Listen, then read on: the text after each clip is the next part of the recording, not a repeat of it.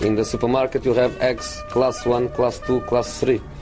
And some are more expensive than others and some give you better omelets. That's the wrong information. Wrong, wrong, wrong information. I didn't say that. That's the wrong information. Do you think I'm an idiot? Wrong, wrong, wrong information. Now look at me when I talk to you. Your job is to tell the truth. That's the wrong information. Ha, Sillypodden tillbaks för en sista avslutande, eh, avrundande eh, del. Eh, vi hade deadline day igår. Eh, Ja. Min röst höll. Ja, Eh, med, din Sean Dyke-röst. med, med, Sean Dyche som det tydligen är. Precis, eh, min Sean Dyche röst. Eh, med nöd och näppe, vi får se om den håller för en poddinspelning här också. Vi, det, vi är inne på tagning två här. Ja, jag har ju kostat dig redan- en halvtimme här genom att säga att jag har fel mikrofon. Så att, ja. Ja, precis. Nu så ska det förhoppningsvis fungera lite bättre. Men det hände ju en del under de här sista avslutande timmarna. Till och med efter att vi hade stängt av kamerorna eh, så dök det upp rykten. Eh, men vi börjar väl med att bara konstatera att eh, Micho Batshuayi blev klar för Crystal Palace till slut. Eh, vi fick väl med någon slags bekräftelse före vi stängde Ja, av. vi fick med den här inofficiella Sky Sports bekräftelsen som man väl inte ska tro på längre, men den, den var där i alla fall. Att, och vi trodde på den då och vi, det blev ju så. så att, Ja, det blev ju så. Och eh, vad var det jag säga? Jo, det, det känns ju som att det är en möjlighet för, för eh, Batshuay att eh, få i alla fall speltid i en eh, liga med väldigt många ögon på sig och i ett lag som kanske kommer ha en bättre eh, vår än vad man haft höst hittills. Det känns som att det finns potential i laget och man får spela tillsammans med en Wilfried Zaha som kan öppna upp och spela på en väldigt hög nivå. Om, om Batshuayi nu kan visa att han har en hög nivå i sig så finns det en lekkamrat där i anfallet eh, som, som kommer kunna matcha det. Ja, den höga nivån har han ju i sig, det vet vi ju sedan tidigare. Det handlar ju om att få ut det nu, vi kan absolut inte fick i Valencia, men han fick ju det i Dortmund, milt uttryckt innan. Han var ju väldigt, eh, väldigt gott rykte efter den sessionen med all rätt. Och det kändes som om han ville tillbaka till Premier League nu, eftersom de här uppgifterna från BBC är det väl att Crystal Palace redan för 40 dagar sedan försökte få honom och så eh, Chelsea höll emot, ville hellre ha honom i Betis eller Monaco eller andra klubbar men eh, tvingades med, vad var det, två och en halv timme kvar på transferfönstret, ringa upp Crystal Palace och säga ah, okej, eh, det, det får väl gå det här då. Ja, precis. Nej men det, eh, det känns nog, alltså för Chelseas del så tror jag inte att de ser en framtid för Batshuayi i Nej, Chelsea. Det handlar ju om att få upp hans marknadsvärde så pass mycket så att de kan få tillbaka så mycket av transferavgiften som möjligt för honom. Det är väl, eh, om man ska vara krass. Ja, annars hade de Så ju efter Dortmund-sessionen, det var inte så att de kände att han behövde ha mer utveckling efter den. I så fall hade de försökt integrera honom i truppen då. Det gjorde de ju inte, de skickade vidare honom direkt. Så att, absolut, det, det, ska ju, det ska ju räddas lite pengar där. Ja, det ska jag göra det. Ehm, den andra den andra affären som blev eh, klar, den dök upp först eh, en stund efter att vi hade stängt av kameran. Då blev det jubel hemma i familjen Syksem, vill jag lova. Eh, ja, alltså det är väl inte... eh, Champagne, något- tårta, vad blev det? Något som, något som höjer min puls nämnvärt, men Lazar Markovic då, eh, kanske den största floppvärvningen de senaste tio åren eh, för Liverpool har nu lämnat på en free transfer trots att han hade ett halvår kvar på kontraktet för Fulham. Eh, och en, eh, en formsvag ytter var ju precis vad, vad Fulham Jag satt och behövde. drömde om. ja, man kan ju bara tänka hur det var där sista, sista halvtimmen på fönstret eller något när Fulham Mm. gör sin ekonomiska kalkyl, märker att ja, vi har ju fortfarande det här löneutrymmet, vad kan vi få? Kan, finns det någonting kvar där ute? Och så dinglar en Lasa Markovic helt själv på marknaden där och det, ja, då tänkte de väl att ska vi, ska vi spara de här pengarna vi ändå inte kan använda eller ska vi liksom ja, kasta dem på Lasa Markovic och hoppas att det, det, det sker ett mirakel och då drog de väl ner sina, sina slantar i den där önskebrunnen och hoppades på det bästa. Ja, nej, det är ju en... Eh, vad ska komma ihåg då att Lazar Markovic kostade alltså 250 miljoner när han köptes från Benfica, var väl då typ 20 år gammal. Eh, hade gjort ett väldigt bra Europa League Du satt med gåshud här i poddstudion då vill jag minnas. Eh, jag var, jag var eh, uppspelt över, Ja, den, ja. över den värvningen, det, det var jag. Eh, sommaren 2014. Då var du inte ensam om om man ska försvara dig. Nej, eh, men det kändes som en väldigt spännande, alltså precis den typen efter eh, den här fina säsongen som hade varit 13-14, Liverpool var tillbaka i, i, i Champions League igen, det skulle byggas nytt, köptes en massa spelare, Suarez såldes, eh, det fanns pengar och det värvades friskt och, Det och värvades bra framförallt. Jävlar vad ni fick utväxling där. Markovic Balotelli, det var eh, väl investerade pengar. Eh, Balotelli eh, fick man väl tillbaka en del, han kostade inte lika mycket som, som Markovic eh, till att börja Ja, det var med. väl kaos och anseende, det var väl det, hans största, största det, utgifter. Det, det var hans största utgifter det. Ehm, och eh, ja, men det är liksom intressant för spelare, det kostade så pass mycket. Men han stor investering för klubben. Han hade egentligen, jag kan bara minnas en enda match där han har haft någon slags betydelse, där man har känt att här kan, här behöver vi Lazar Markovic. Och det var en Champions League-match Jag gillar meningen bara, här behöver vi Lasse Markovic. Det är första gången jag hör den tror jag. jag, Ja, jag den precis. klang, klingade ändå fint. Jag tror faktiskt det var så till och med att han började på bänken där. Eh, det gick väldigt dåligt i matchen, det var eh, mot Basel, borta mot Basel tror jag det var. Han byttes in typ i halvtid, jag minns inte mot vem, men kommer in, är väldigt, väldigt bra. Han eh, får igång anfallsspelet, han driver upp tempot för Liverpool och man känner att fan, vad glad jag är att, att Lazar Markovic var med i det här laget. Eh, vinner bollen på mittfältet, slänger ut armen lite klumpigt eh, och på reprisbilden ser man att hans eh, fingertoppen på hans långfinger nuddar alltså nästippen på Berang Safari som givetvis då kastar sig mot marken och tar sig mot ögat. Eh, domaren ger honom rött kort och någonstans i den här händelsen så kommer ju Lazar Markovic aldrig tillbaks. Det här är alltså några månader in i hans Liverpool-karriär, vi är alltså under 2014 nu. Men du menar alltså, vad, 260 miljoner, sa vi det? Eh, Ja, 22,5 miljoner pund, det ja, blir något så. Liverpool ska alltså ta sina advokater nu och åka till Malmö och stämma Berang Safari på liksom den här, den här utgiften. Ja, det tycker jag låter, Jag vill se den det rättsförhandlingen. tycker jag låter superrimligt. Ja, absolut. Nej, men, men sen är det faktiskt så att eh, under eh, vårsäsongen sen, eh, eller under våren 2015 så gör ju Lazar Markovic, sin- Markovic sin sista tävlingsmatch för Liverpool. Det är fyra år sedan och han har fortfarande varit klar, kvar i klubben Eh, fram till nu. Eh, det säger någonting om hur det gick därifrån, det gick bara käpprätt helt enkelt. Eh, visst en del skador på det liksom såklart som, som har eh, spelat in men framförallt en massa utlåningar som helt enkelt inte har funkat. Han har inte visat att han, att han har den här nivån i sig eh, som man har hoppats att han skulle ha och den utve eh, utvecklingen. Han har varit en, någonting av en one trick pony, han har varit ganska snabb med bollen, eh, lite speldum, eh, inte riktigt eh, haft någon vidare slutprodukt, tagit sig till en, bra läge, till, till en del bra lägen men inte, eh, inte gjort tillräckligt stora avtryck någonstans där han varit på lån egentligen. Eh, kommit tillbaka till Liverpool, varit så långt ifrån startelvan som man nog typ kan komma. Eh, vi har ju sett, vi har ju sett 17-åringar gå före eh, i kön. Eh, de har ju inte haft något som helst intresse av att investera en enda minut i Lazar Markovic karriär. Eh, och såg nu en chans att bara slippa se honom.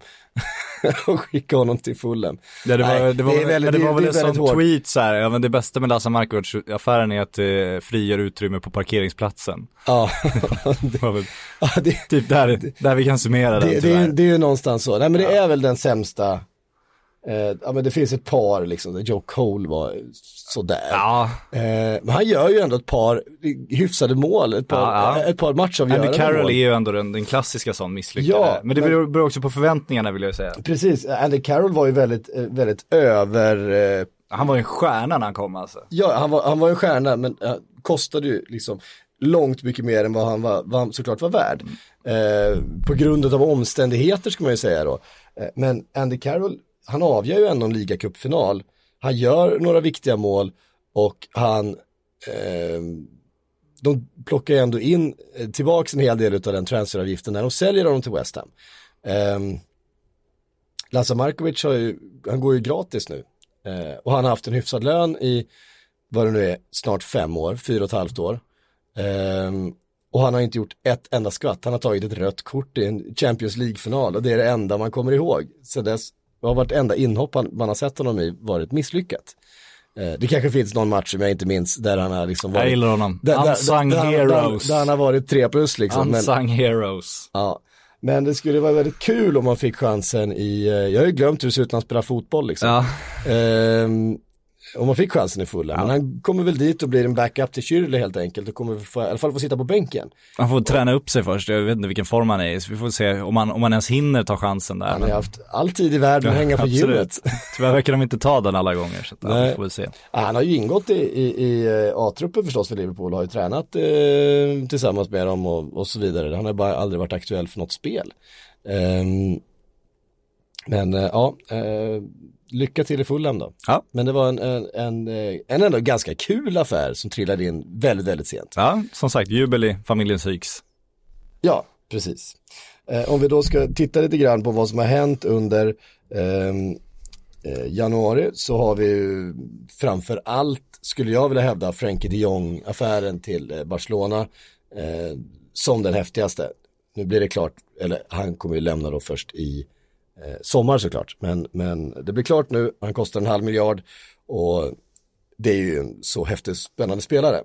Ja, och det är väl också en- av de där värvningarna som säger någonting om liksom, om hierarkin inom fotbollsvärlden. Alltså Christian Pulisic till Chelsea all ära, han ville till, eller till Champions League, till Premier League, det har han pratat om hela tiden. Och jag vet inte hur stark konkurrensen var där om man ska vara helt ärlig. Jag vet inte hur, hur sugna Manchester United och Manchester City eh, och de övriga var på honom. Det känns lite oklart. Han har svårt att få speltid i Dortmund bakom Jadon Sancho. Sancho som nu efter fönstret stängt börjat ryktas till Manchester United omedelbart ska vi ta med oss också. Eh, däremot Frenkie de Jong var ju Manchester City, PSG och Barcelona bevisligen väldigt, väldigt intresserad av. Eh, och han väljer då Barcelona trots att man kan gissa att han hade kunnat fått en fetare sign-on i både Manchester City och PSG. Han kommer inte ha någon svältlön i Barcelona på något sätt, men det som lockar honom dit är väl snarare de sportsliga kriterierna och historien som ju kanske framförallt tilltalar holländare och kanske framförallt från Ajax. Ja, det och det gör en ändå lite glad. det här, den här charmoffensiven som sattes in mot eh, Frenkie de Jong, där man fick väl någon slags positiv eh, vibb ifrån eh, agenten. Eh, är det Hassan Settinkaya? Ja, det är Hassan och hans kollega. Ja, Ja, eh, men vi har en svensk i- involverad Ja, en svensk inblandad. Det är förmodligen den största fotbollsaffären en svensk har gjort skulle jag kunna tänka mig. Eh, ja, så är det väl. Zlatan bytte ju agent innan, innan han började flytta rejält. Så att, Ja, precis. Och det var ju Vigge var väl störst eh, före och, Ja, och de Jong är ju slår ju det. ett par hundra miljoner till. ja. Ehm, Sen måste vi kalla honom för Lindelöf, vi kan inte hålla på med Vigge, det är så töntigt. Ja, Lindelöf då. Ja, tack. Ehm, det är töntigt, ja, jag håller med. Tack. Ehm, men det som är intressant också med Frenkie de Jong är ju att eh, han varit dels då väldigt tydlig med att han inte vill till Premier League. Var liksom, han, han kände inte för Premier League helt enkelt. Han var inte sugen på att bo i England, han var inte sugen på, på Premier League helt enkelt. Eh, och det var det som då fick Manchester City att väldigt tidigt bara helt enkelt lägga ner. För att jag, jag tror att ehm, Manchester City hade nog varit de som hade varit eh, mest angelägna från början. Det var de som det började ryktas om. Eh, Pep Guardiola hade liksom eh, själv liksom sett ut den här spelaren som eh, en som han var väldigt, väldigt intresserad av. Och eh, hade han haft ett, eh, en vilja att gå till Premier League, då tror jag han hade blivit klar för Manchester City faktiskt, eh, före Barcelona och PSG. Eh, men just den här delegationen med Erik Abidal och med eh, presidenten och att hela högen flyger upp till, eh, till Amsterdam för att skriva det här kontraktet med, med de Jong. Det säger någonting om hur eh, tajt det ändå var tror jag med, med PSG att de eh, känner att shit, nu måste, vi, nu måste vi agera. Nu hoppar vi in i privatjetet och sen så skriver vi på här om tre timmar eller vad det tar att flyga mellan Amsterdam och Barcelona. Ja, så känns det ju. Och, Två, två timmar. Ja, privatplan en timme kanske, jag vet inte. Går de snabbare? Ja, det gör det Fråga mig inte varför, men nu, nu utgår jag från att det är så.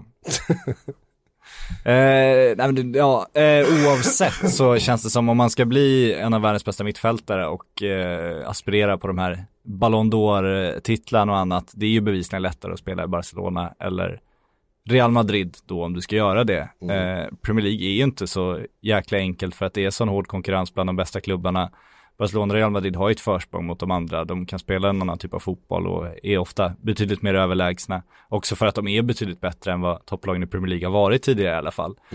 Eh, så det beror inte, inte bara på att ligan är sämre så breddmässigt, det tror jag inte att den är. Jag tror att eh, mittenlagen i Spanien, eh, jag ska inte jämföra dem för mycket mittenlagen i Premier League, men de har nog alla chanser att slå dem. Om vi sett inte minst i Europa League där Spanien gått väldigt, väldigt bra. Så det handlar ju snarare om att Barcelona och Real Madrid varit så förbannat bra. Men det är klart att alla som inte har ett klubbhjärta hos en Premier League-klubb skulle ju rent objektivt hellre välja spel i Barcelona eller Real Madrid än någon av Premier League-jättarna. Det tror jag ju ändå. Ehm, Barcelona som var väldigt aktiva under det här januarifönstret, det är inte bara att man säkrar upp de Jong till sommaren, eh, man köpte Kevin Prince Boateng. Det ska, man, ju- det, det ska man ju ha heder för, bara, bara att man gör det överhuvudtaget. Alla klubbar som någonsin har värvat Kevin Prince Boateng ska ha någon, slags, någon slags eh, hedersintygelse eh, över det vill här. prata på Deadline Day om personligheten som skiner igenom. Det är Ja. Kevin Prince Boateng tveklöst. Eh, ja men Kevin Prince, de köpte Emerson, den här eh, ytterbacken som kallas nya Dani Alves av Barcelona själva, återstår väl att se. De löste Todibo nu på förhand från Toulouse efter att ha släppt Denis Suarez. Så gjorde ju två affärer på Deadline Day. De gjorde den största affären inför sommaren och de gjorde den mest spektakulära affären med Kevin Prince Boateng. Så Barcelona har ju verkligen agerat. Eh, de har ju en jättesatsning nu. De har passerat Real Madrid i dyraste eh, löneutgift eh, och det känns som de verkligen tar i nu, minst sagt, nu när Real kanske måste montera ner lite om de ska bygga nya arena och sådär. Men Kevin Prince ser man ju fram emot att se, vid, valda tillfällen blir det väl. Ja. Den nya Henrik Larsson. Ja precis, en Larsson-värvning. En Larsson-värvning. Som de kallar det där nere. Eh, och det är lite roligt. Dessutom gjorde man eh, två affärer på deadline day. Det är ju inte så vanligt för, för Barcelonas skull. Nu fick du ett sms. Ja, det blir lite disträ. Ja, eh, de gjorde två stycken värvningar Ja, på precis. deadline day. Eh, den ena var då eh, Todi, Bo, Todibo som man, eh, de här har jag redan nämnt, så det var lite- du som var lite disträ alldeles nyss tror jag. jaha, ju- nämnde du dem alldeles nyss? Ja, jag gjorde det. Ja. Eh, då har vi pratat om dem. Eh, men men eh, kanske ska vi utnämna Barcelona till eh, fönstrets vinnare. Det, det, det, det vet man ju inte förrän man har sett alla spelarna i, eh, i hamn. De har ju de har en liten uppförsbacke från Coutinho-affären, eh, om man säger så. Ja. Kanske varit, var förra fönstrets, eller förra vinterfönstret och sämsta värvning sett till hur det har gått nu ett år senare. Men- och men om vi- pengarna man fick betala. Men om vi håller oss till liksom det här spelåret, den här säsongen, då tycker jag ändå att de är det. Alltså, eh, Milan-fansen jublar ju nu över Piatek, eh, som ju fick en sensationell start. Eh, ersättaren till Gonzalo Higuain som de fick in, 23-åring, jättelovande spelare. Samtidigt så, om de hade värvat honom i somras hade han kostat 40 miljoner kronor, nu kostar han ju det tiodubbla. Eh, och de har kastat ut pengar på det här halvåret med Gonzalo i anfallet. Eh, så att sett över spelåret har ju de rent ekonomiskt gjort ett ganska dåligt transferfönster, eller transferperiod då. Eh, men om man ser till vilka som sportsligt har förbättrat sitt lag mest i, i sett från innan januari, eh, så är de ju med där uppe, får man ju ändå säga. Men eh, Barcelona har ju säkrat liksom den största prestigevärvningen i Frankie de Jong. Eh, de fick in, lyckades få iväg Denis Suarez som inte riktigt övertygat där, fick in en ersättare omedelbart, en kille de tror på långsiktigt, är en 19-åring. Eh, Emerson vågar jag inte säga så mycket om. Så ja, men Frenkie de Jong är väl den som puttar dem över, över mållinjen lite. Mm. Um, Piatek som sagt, eh, i Milan har det varit väldigt mycket surr om, inte minst med tanke på att han gjorde två mål i sin debut. Uh, och det är rätt klart var att, ganska snyggt. ja, eh, hyfsat. Ja. Eh, nej han har ju haft en helt otrolig säsong. Jag vet han har väl gjort typ 20 mål på 22 matcher eller något sånt där eh, under den här säsongen då, om man räknar in eh, första matchen med Milan där också. Och så undrar man ju det här när han går, går från mindre klubb då till Milan och så kommer han liksom klara den här utmaningen och axla den här rollen och så direkt bara, eh, och det tror jag är väldigt, väldigt viktigt för honom att bara komma igång direkt och också fortsätta. Så då kan det ju bara rulla på nu. Bara leverera. Det är skönt att kunna köpa en, en, en skyttekung som eh, redan halvvägs är där. Ja, ja i säsongen. Ja. Kan man skryta med titeln sen bara, ja, skytteligan hos oss. Ja, precis. Eh, Fast han gjorde ju hälften av målen för Genoa. Det är lite som en Oleg Salenko som vann VMs skytteliga efter att bara spela gruppspelet, lite så känns det. Han gjorde väl alla mål i en match. Ja, han gjorde fem mål i en match och så gjorde han ytterligare ett mål i en annan match där. Ja, ytterligare ett mål mot, eh, mot med Brasilien då. ja. Det var det va? Eh, För han gjorde, Gjorde inget mot Sverige? Nej, mot inte. Sverige, nej. Och han rullar in sitt femte mål. Ja. Ta med 17. Ehm, eller som Harry Kane som vann skytteligan eh, för eh, England i somras utan att egentligen göra någonting på ett spelmål. Han Ja. rullade in straffar. Japp. Eh, så kan det också gå. Ja, Ehm, Andreas Granqvist vann väl den interna svenska skytteligan också. Så. Ja, det är roligt också att, att eh, Olivier Giroud vinner VM startar alla matcher som forward för de som vinner VM utan att ha ett skott på mål Ja, hela turneringen. Ett skott på mål tror jag han hade under hela turneringen. men där är, det, han, det, är liksom, det kastar ju om hela den här eh, uppfattningen att bra anfallare ska göra mål, för att de behöver ju inte göra det. Han gjorde ju andra Om det, saker. om det finns någon annan som gör mål, ja, men han var ju väldigt nyttig. det är klart det finns en Griezmann och en Mbappé och en Ja. Pogba och så vidare som kan göra mål. Om han då är uppspelspunkt och liksom referenspunkt för deras anfall i, i det sättet att de andra liksom kan, kan jobba runt honom snarare än med honom kanske så gjorde han ju extremt mycket nytta. Ehm, ehm, Giroud som är kvar i eh, Chelsea har fått lite ytterligare eh, anfallskonkurrens då när eh, Higuain lämnat Milan. Tungt han- anfallspar, nu får de inte spela tillsammans kanske, men tungt. Det hade varit kul att se dem tillsammans. Ja, det hade varit jävligt fint. Kommer en djupledsboll, de får ta en löpduell om vem som är De inne till titta på varandra. jag har den, jag har Jag har den. den. Nej, nej, du har den. Eh, De fortsätter springa, båda står och hänger på knäna för dem. Ja, exakt. fram till- Det blir fint. Ja. Nej, nu ska vi inte vara så raljanta, men, Nej. men eh, om Piatek har fått en, en flygande start då för, för Milan så har ju kanske inte Higuain fått det för Lite mer trevande. Eh, bara två matcher in, så Ja. vi ska inte eh, vara sådär, men 0-4 i baken mot Bournemouth var inte det, var inte därför han kom dit. Nej, det var det inte. Det kan kanske inte han lastas för heller i och för sig, att, att eh, försvaret släpper in fyra mål mot Bournemouth. Eh, det är inte hans jobb Nej. att, att hålla tätt bakåt.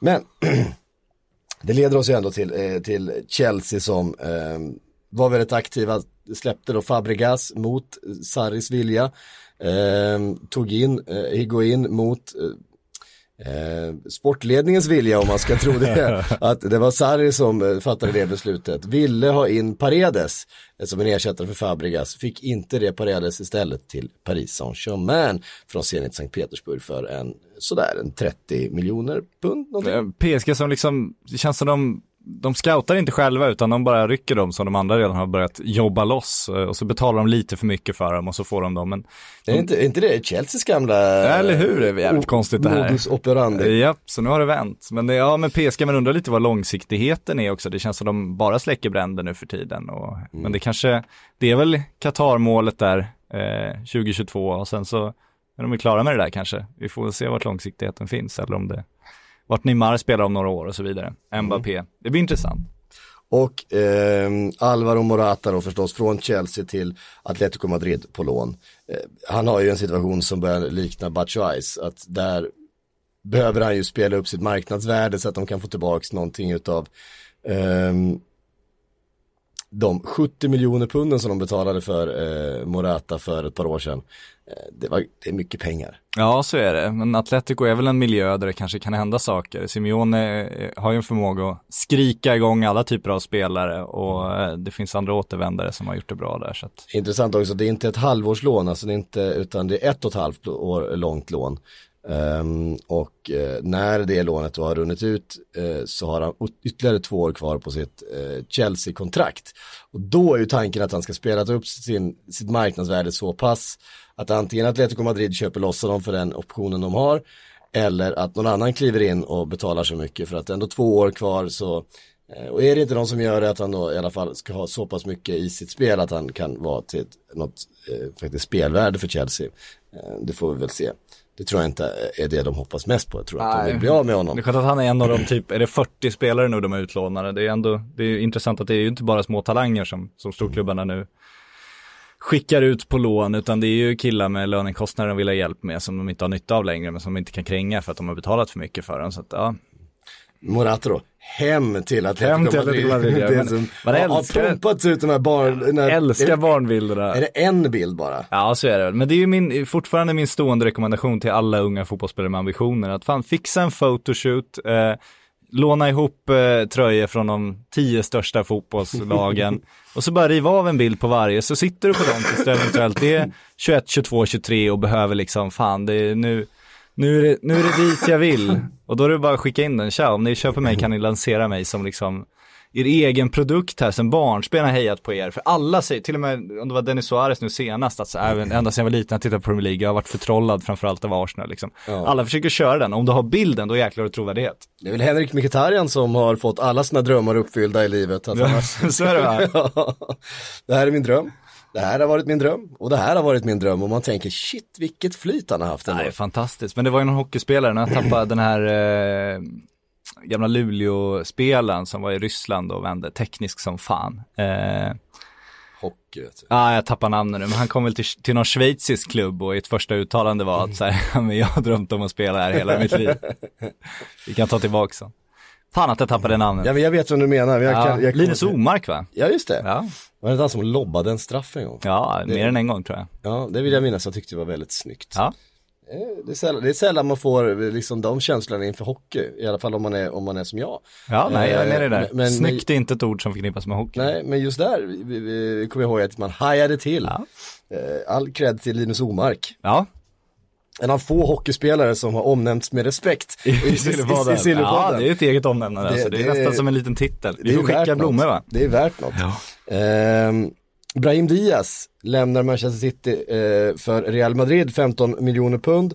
Ehm, känns som två, eller tre rätt nöjda parter där. Kan eh, med add-ons då bli upp till 22 miljoner pund. Ehm, ja, City är ganska nöjda, de har fått in mycket pengar för en 19-åring. Real Madrid är rätt nöjda, de får en lovande 19-åring på en position där de kanske eh, har möjlighet att, att utveckla honom vidare. För en ganska liten summa för att vara Real Madrid, eh, om de ser honom som en, en potentiell A-lagsspelare direkt. Samtidigt en ganska stor summa för Manchester City om de inte ser honom som en potentiell A-lagsspelare. Så att, ja, alla kan nog vara rätt nöjda. Han har alltså skrivit ett sex och ett halvt år långt kontrakt. Ja, det är intressant för FFP är väl att du bara kan räkna av fem år, så att jag vet inte hur de har studsat ihop det där. Men ja, nej men eh, absolut. Eh, Real är ju en, eh, en, en saga för sig just nu. Det ska bli väldigt intressant för Det är dem. inte så mycket pengar att de behöver räkna av det så, Nej, så är det ju. eh, noggrant. Men du Eh, skriver ofta bara fem år, så att Ja, nej, sex och ett halvt år har han skrivit på till då till, ja vad blir det? Eh, 2026. ja. Eh, och nej, jo, ja, Ja, jag vå- vågar inte uttala mig om det här just sommaren 2025 så blir det. Vi satt väldigt länge igår kväll, jag är helt deg i huvudet idag. Ja, det är man ju. Ehm, det var ju annars en av de här, omnämndes då Jadon Sancho-termer eh, när det är eh, tonåringar som lämnar Manchester City. Eh, Jadon Sancho var en spelare de inte ville bli av med. Det här var en spelare som de gick med på att sälja. Eh, jag tror att det är ganska stor skillnad eh, mellan dem faktiskt. För att det, det är ju så att Manchester City har en enorm ungdomsverksamhet och har scoutat många av de bästa liksom, tonåringarna i världen. Och de flesta för att sälja, för att liksom eh, som en del av eh, den finns finansiella strukturen. Det är ju pengatvättisgrejen, att du får ju räkna ungdomssatsningarna utanför FFP. Ja. Eh, vilket gör att Manchester City såg en jättemöjlighet att lägga alla sina pengar där. Alla sina pengar de inte fick lägga på A-laget. Så de la jätte- jättemycket pengar där och nu lönar ju det sig genom att de pengarna har ju omsatts och eh, ökat i värde eh, genom de här talangerna och så säljer de dem väldigt, väldigt dyrt och då kan de ju återinvestera de pengarna i A-laget istället.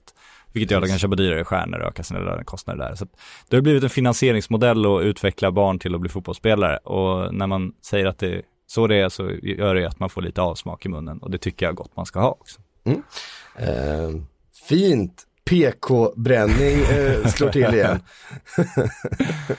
Ja. Eh, Mario Balotelli, Ja, målskytt i sin debut för Marseille. De är brukar väl börja ganska bra va? Brukar han inte det? Ja, eh, Inspirationsspelaren. Ja, brukar han det? Ja, det kanske han brukar. Ehm, men de är ju som gjorda för honom, Marseille så och. Balotelli. Det Ja, bara så. när man blir lycklig, man blir ju det. Eh, det är klart, det ska, klart han ska spela med och det är klart han ska avsluta sin karriär där hoppas jag. Jag hoppas han verkligen bara lyfter nu och blir en ikon i Marseille. Det kommer ju inte bli så överhuvudtaget, men det, jag hoppas jag ändå på det. Vad är han? 20, typ 27, 28 nu? Ja, måste ju vara något sånt där. 29? Ja, nu sitter jag och gissar om äh, åldrar igen. Ja, det, det är min Det är vårt starkaste inslag i podden. ja, Så otroligt dåligt content. det, det är väl inget fel på det. Ja, nej. Jag tycker det låter lite trevligt. Eh, 28 år. Vi måste säga någonting om Istanbul Basaksehir. Ja, Eh, som har värvat Dembaba. En otrolig bild med, eh, en otrolig presentation och så den här bilden med den här ugglehuvudet på sig. Han står, eh, mycket märkliga föreningen eh, bildad i den här stadsdelen som grundades av Erdogan. Liksom en, en eh, sportswashing, eh, ett försök till sportswashing utav Erdogans regim. Eh, spelar förmodligen Champions League nästa år. Eh, och han eh, anländer ju till ett gäng fina eh, killar. Vi har Adebayor där, vi har ju inte minst Robinho då som på något sätt gömmer sig från rättvisan i, i det här och i sportwashing-terminologin så är det ändå ett, ett annorlunda projekt, för jag är inte säker på att det är så mycket sportswashing egentligen. De kommer ju från en, en förort som Erdogan byggde upp när han var borgmästare i Istanbul. Eh, men han har inte riktigt velat förknippas med klubben så tydligt. Han var med i invigningsmatchen av deras nya arena, han gjorde ett hattrick där kort innan presidentvalet och skulle visa styrka och sådär. Fin lobb. Fin lobb, jättebra försvarsspel, finns på YouTube, in och kolla. Eh, men sen har han liksom inte riktigt velat förknippas med klubben så mycket och en av anledningarna kan ju vara att det är en av Turkiets absolut mest hatade klubbar för att de andra är ju liksom klassiska medlemsföreningar med hundra års historia. Sen kommer den här klubben eh, ombildas från en klubb som Istanbuls stad äger som de vill lägga ner för att den kostar så mycket. Just det. Eh, tvingas bilda en ny klubb för att Turkiets fotbollsförbund blir så sura. Eh, bildar den här klubben byggs upp då eh, i ett aktieägarformat till skillnad från de andra medlemsföreningar, så de har en där. Ägs av åtta av de st stora affärsmännen i Turkiet med tydliga kopplingar till Erdogan. Eh, tar sig hela vägen till toppen. Eh, sportwashing-synpunkt så är det ganska dumt att ta en våldtäktsdömd Robinho som vi fortfarande inte vet om han ska in i fängelse, en eh, Arda Turan som eventuellt ska in i fängelse nu för eh, misshandel och har gått in på något sjukhus och viftat med en pistol och lite andra sådana här småsaker. Mm. Eh, Adebayor, Dembaba, det är liksom inte de stora förebilderna de lyfter in här. Emre som eh, eh, till och med fängelsedömd för eh, ett rasistiskt påhopp på motspelare. Så att, jag vet inte om han liksom sportswashar sitt varumärke, det kanske finns anledning till att han inte vill förknippas med den här klubben riktigt. Samtidigt så, så visar den ju, kan, kan ju komma och bli liksom en styrkedemonstration för turkisk fotboll och då är jag ganska säker på att han kommer finnas på arenan lite oftare. Det är intressant, vad händer med Robinho om han, det är bortamatch i England? Ja, du, du börjar väl inte kunna åka, det är väl, ja, det är jätteintressant det där. Då borde väl polisen komma dit och ta honom på flygplatsen? Ja, det borde de göra ändå, men jag vet inte hur de här göra. fungerar. Men ja, nej, det är, ju- det är ju helt sinnessjukt det Visst är där. det i England han är dömd för den här eh, Att Jag våldtäkten? vill tro att det är så, jag är inte 100% här. Eller var det i Italien? Nej, jag tror att det var i England under tiden i, i Manchester City. Vi ska, vi ska, jag kan göra en Patrik Syk special och googla det här, men Ja, visst är det så. Det. Eh, nej men där var det förstås en, eh, en utav eh, eh, de sakerna som vi har eh, pratat en del om den här eh, vintern. Benjamin Pavard, eh, den franske försvararen, har skrivit på för Bayern München, kommer ansluta i sommar. Diego Godin. Ja, Milano, Italien, Ja, dömd det var- års fängelse. det var ja. i Italien. Ja, Ja, det kan ju lika gärna bli ett italienskt motstånd. Eh, ja och- precis. When you're ready to pop the question, the last thing you want to do is second guess the ring. At Bluenile.com, you can design a one of a kind ring with the ease and convenience of shopping online. Choose your diamond and setting. When you find the one, you'll get it delivered right to your door. Go to Bluenile.com and use promo code LISTEN to get $50 off your purchase of $500 or more. That's code LISTEN at Bluenile.com for $50 off your purchase. Bluenile.com code LISTEN. Eh, ja, vi får väl hoppas att någon jävel eh, Någon får ta lite jävla ansvar här för den här Ja. förbannade jävla fotbollsvärlden. plocka in den, den lilla skiten. Yep. Ehm, Benjamin Pavard, eh, precis som då Diego Godin, byter klubbar, två försvarare. Eh, den ena ung och lovande, den andra har väl varit världens bästa mittback, eh, skulle jag vilja hävda. I alla fall en av dem, kanske tre, fyra i världen. Eh, de senaste åren har väl passerat sin, eh, sin absolut eh, högsta eh, topp. Eh, om man ser till den senaste säsongen. Men Eh, kul Interprojekt om de tar Godin och sen så, det ryktas ju fortfarande intensivt av Luka Modric. Eh, de försökte ju i somras, det sägs ju att Modric ville dit. Ja. Och det påstås fortfarande att han vill dit och att de ska försöka i sommar igen. Så Och Simeone. Simeone eventuellt någon gång i framtiden. Mm. Ja, Ehm, nej men det är klart att Diego Godin är ett lag som, ehm, som Inter eh, kommer vara en otrolig förstärkning. Ja det vill man tro. Ehm, och Benjamin Pavard, eh, spännande. Pepe, eh, 35-åringen. Har hår nu, det var väl där vårt konstaterande slutade. Ja, nej, eh, jag gillar inte Pepe med hår. Nej, jag håller Alltså med. man hatade ju Pepe utan hår, men man hade ändå respekt för honom. Ja, ja. Jag har inte respekt för Pepe med hår. Nej. Men han är hemma i Portugal i alla fall nu igen. Han fick igenom, han, eh, Jorge Mendes försökte tvinga honom till Monaco men han ville inte.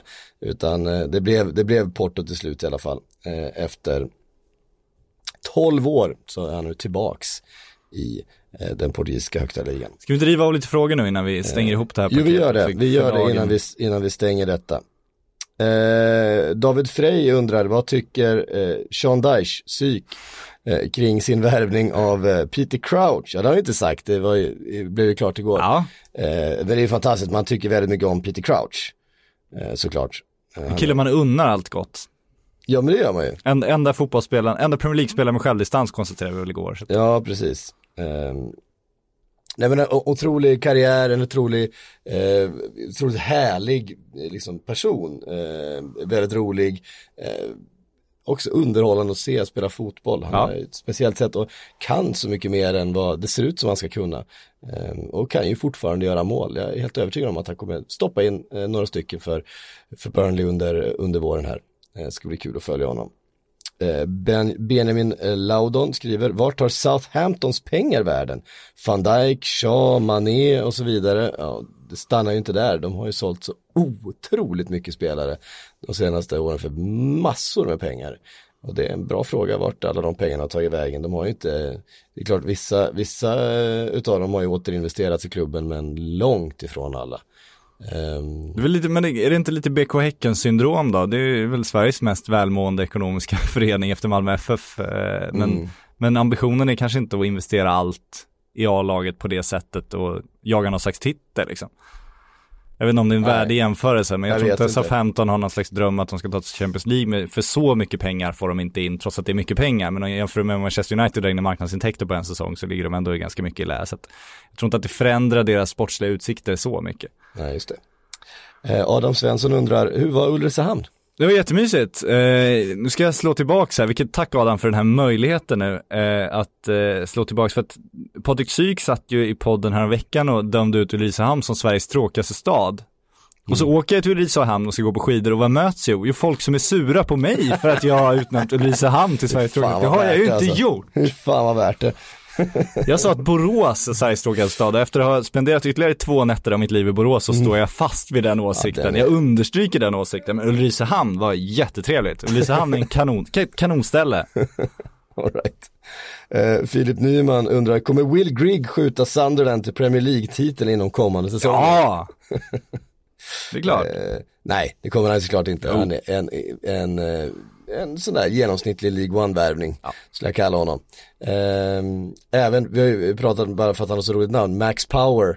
Eh, han är ju också i Sunderland nu för tiden. De var ju tillsammans i Wigan tidigare. Eh, Max Power kämpar på där i League One. Drömduo ändå. Joakim Johansson eh, skriver om ni, du varit till exempel Liverpool skulle ni, du gjort en sista push för att försöka säkra titeln. Liverpool är just nu eh, så stora att de skulle kunna se sig om bland topp 4-klubbarna i Europas ligor efter lån på en spelare som skulle kunna vara med och påverka med relativt liten risk då, eh, menar han. Ehm, Nej, nej, alltså jag, jag du kan, inte, det. du kan inte låna spelare från toppkonkurrenter på det sättet om du är en, en toppklubb själv. Eh, det såg väl Batshuayi om inte annat eh, igår Mm. när Tottenham då försökte kliva in och låna honom och, och Chelsea krävde 80 miljoner kronor för att få låna honom ett halvår. Eh, Crystal Palace fick väl betala 20 miljoner kronor påstås det. Mm. Eh, så det, det händer inte. Och sen ska Tottenham, eller Tottenham, Liverpool då hitta en spelare som ska spetsa och förbättra den trupp de redan har. Och den typen av spelare finns knappt och eh, den lånas absolut inte ut. Eh, och då finns knappt menar jag att den knappt finns på marknaden. Nej, ja.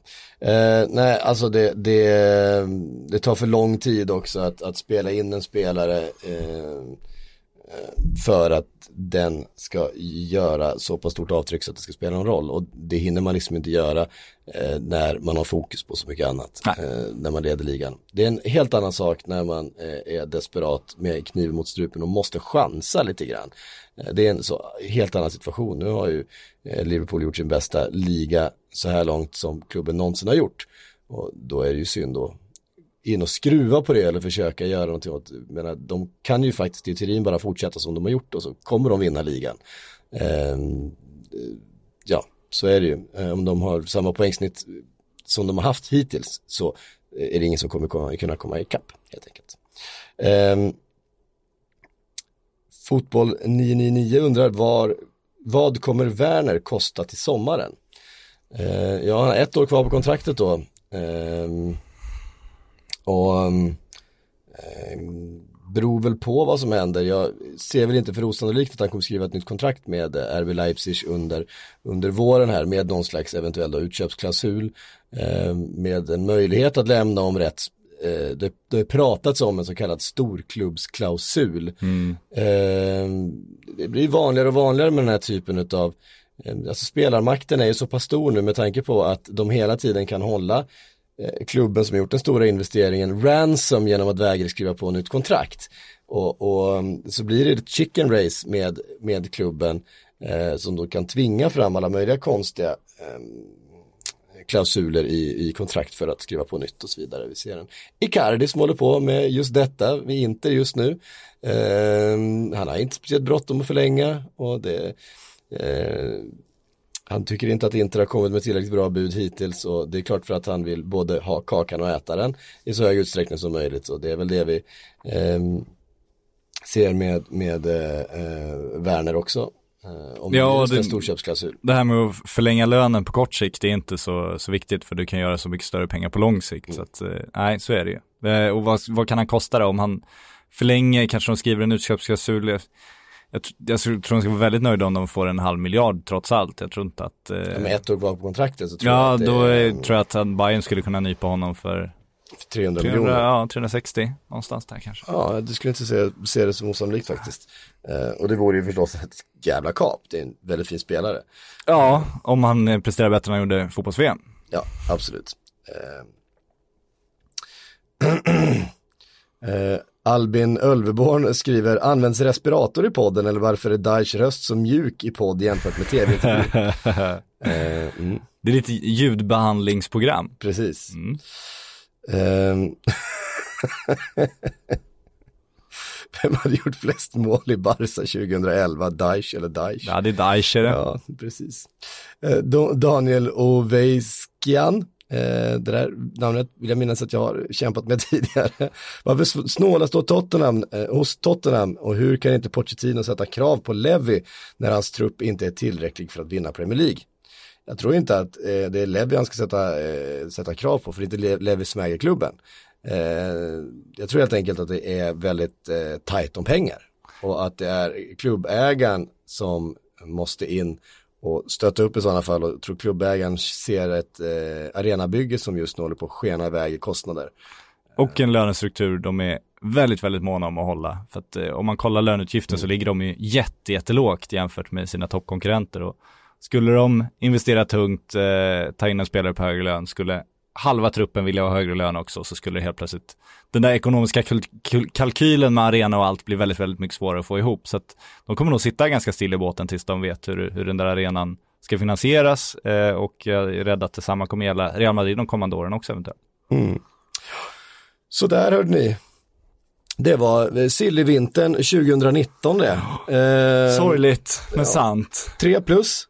Ja, ja, ja, jo, ja, ja, tre plus. Nu blev det väldigt mycket, ah, men den är ju mer än godkänd om vi ser till att eh, Pulisic och Frenkie de Jong, det är ändå två stora affärer även om de Ja, inte och flyttar vi redan fick nu. ändå se liksom Higuain eh, till Chelsea Vi fick se och... två affärer på deadline till Barcelona, vi fick se att Arsenal rulla in en mittfältare igen. eh, Mm. Just vi har inte pratat om Dennis Suarez som, som rullade in igår heller. Det har Ja. vi faktiskt eh, glömt att nämna. Bra lösning så att att man inte hade några pengar att handla med. Så Ja. Att, ja, nej, jag, jag håller med. Och Piatek eh, ska bli spännande. Det känns som Milan Verkligen. fick ett lyft. Eh, ja, ja, tre plus. Mm, tre Absolut. plus. Ja, verkligen. Jag, jag, skulle, jag hade velat- känna att typ en, eh, en, eh, ja vad heter han nu Nu tappar jag namnet helt och hållet här bara därför. Eh, Linus Omark.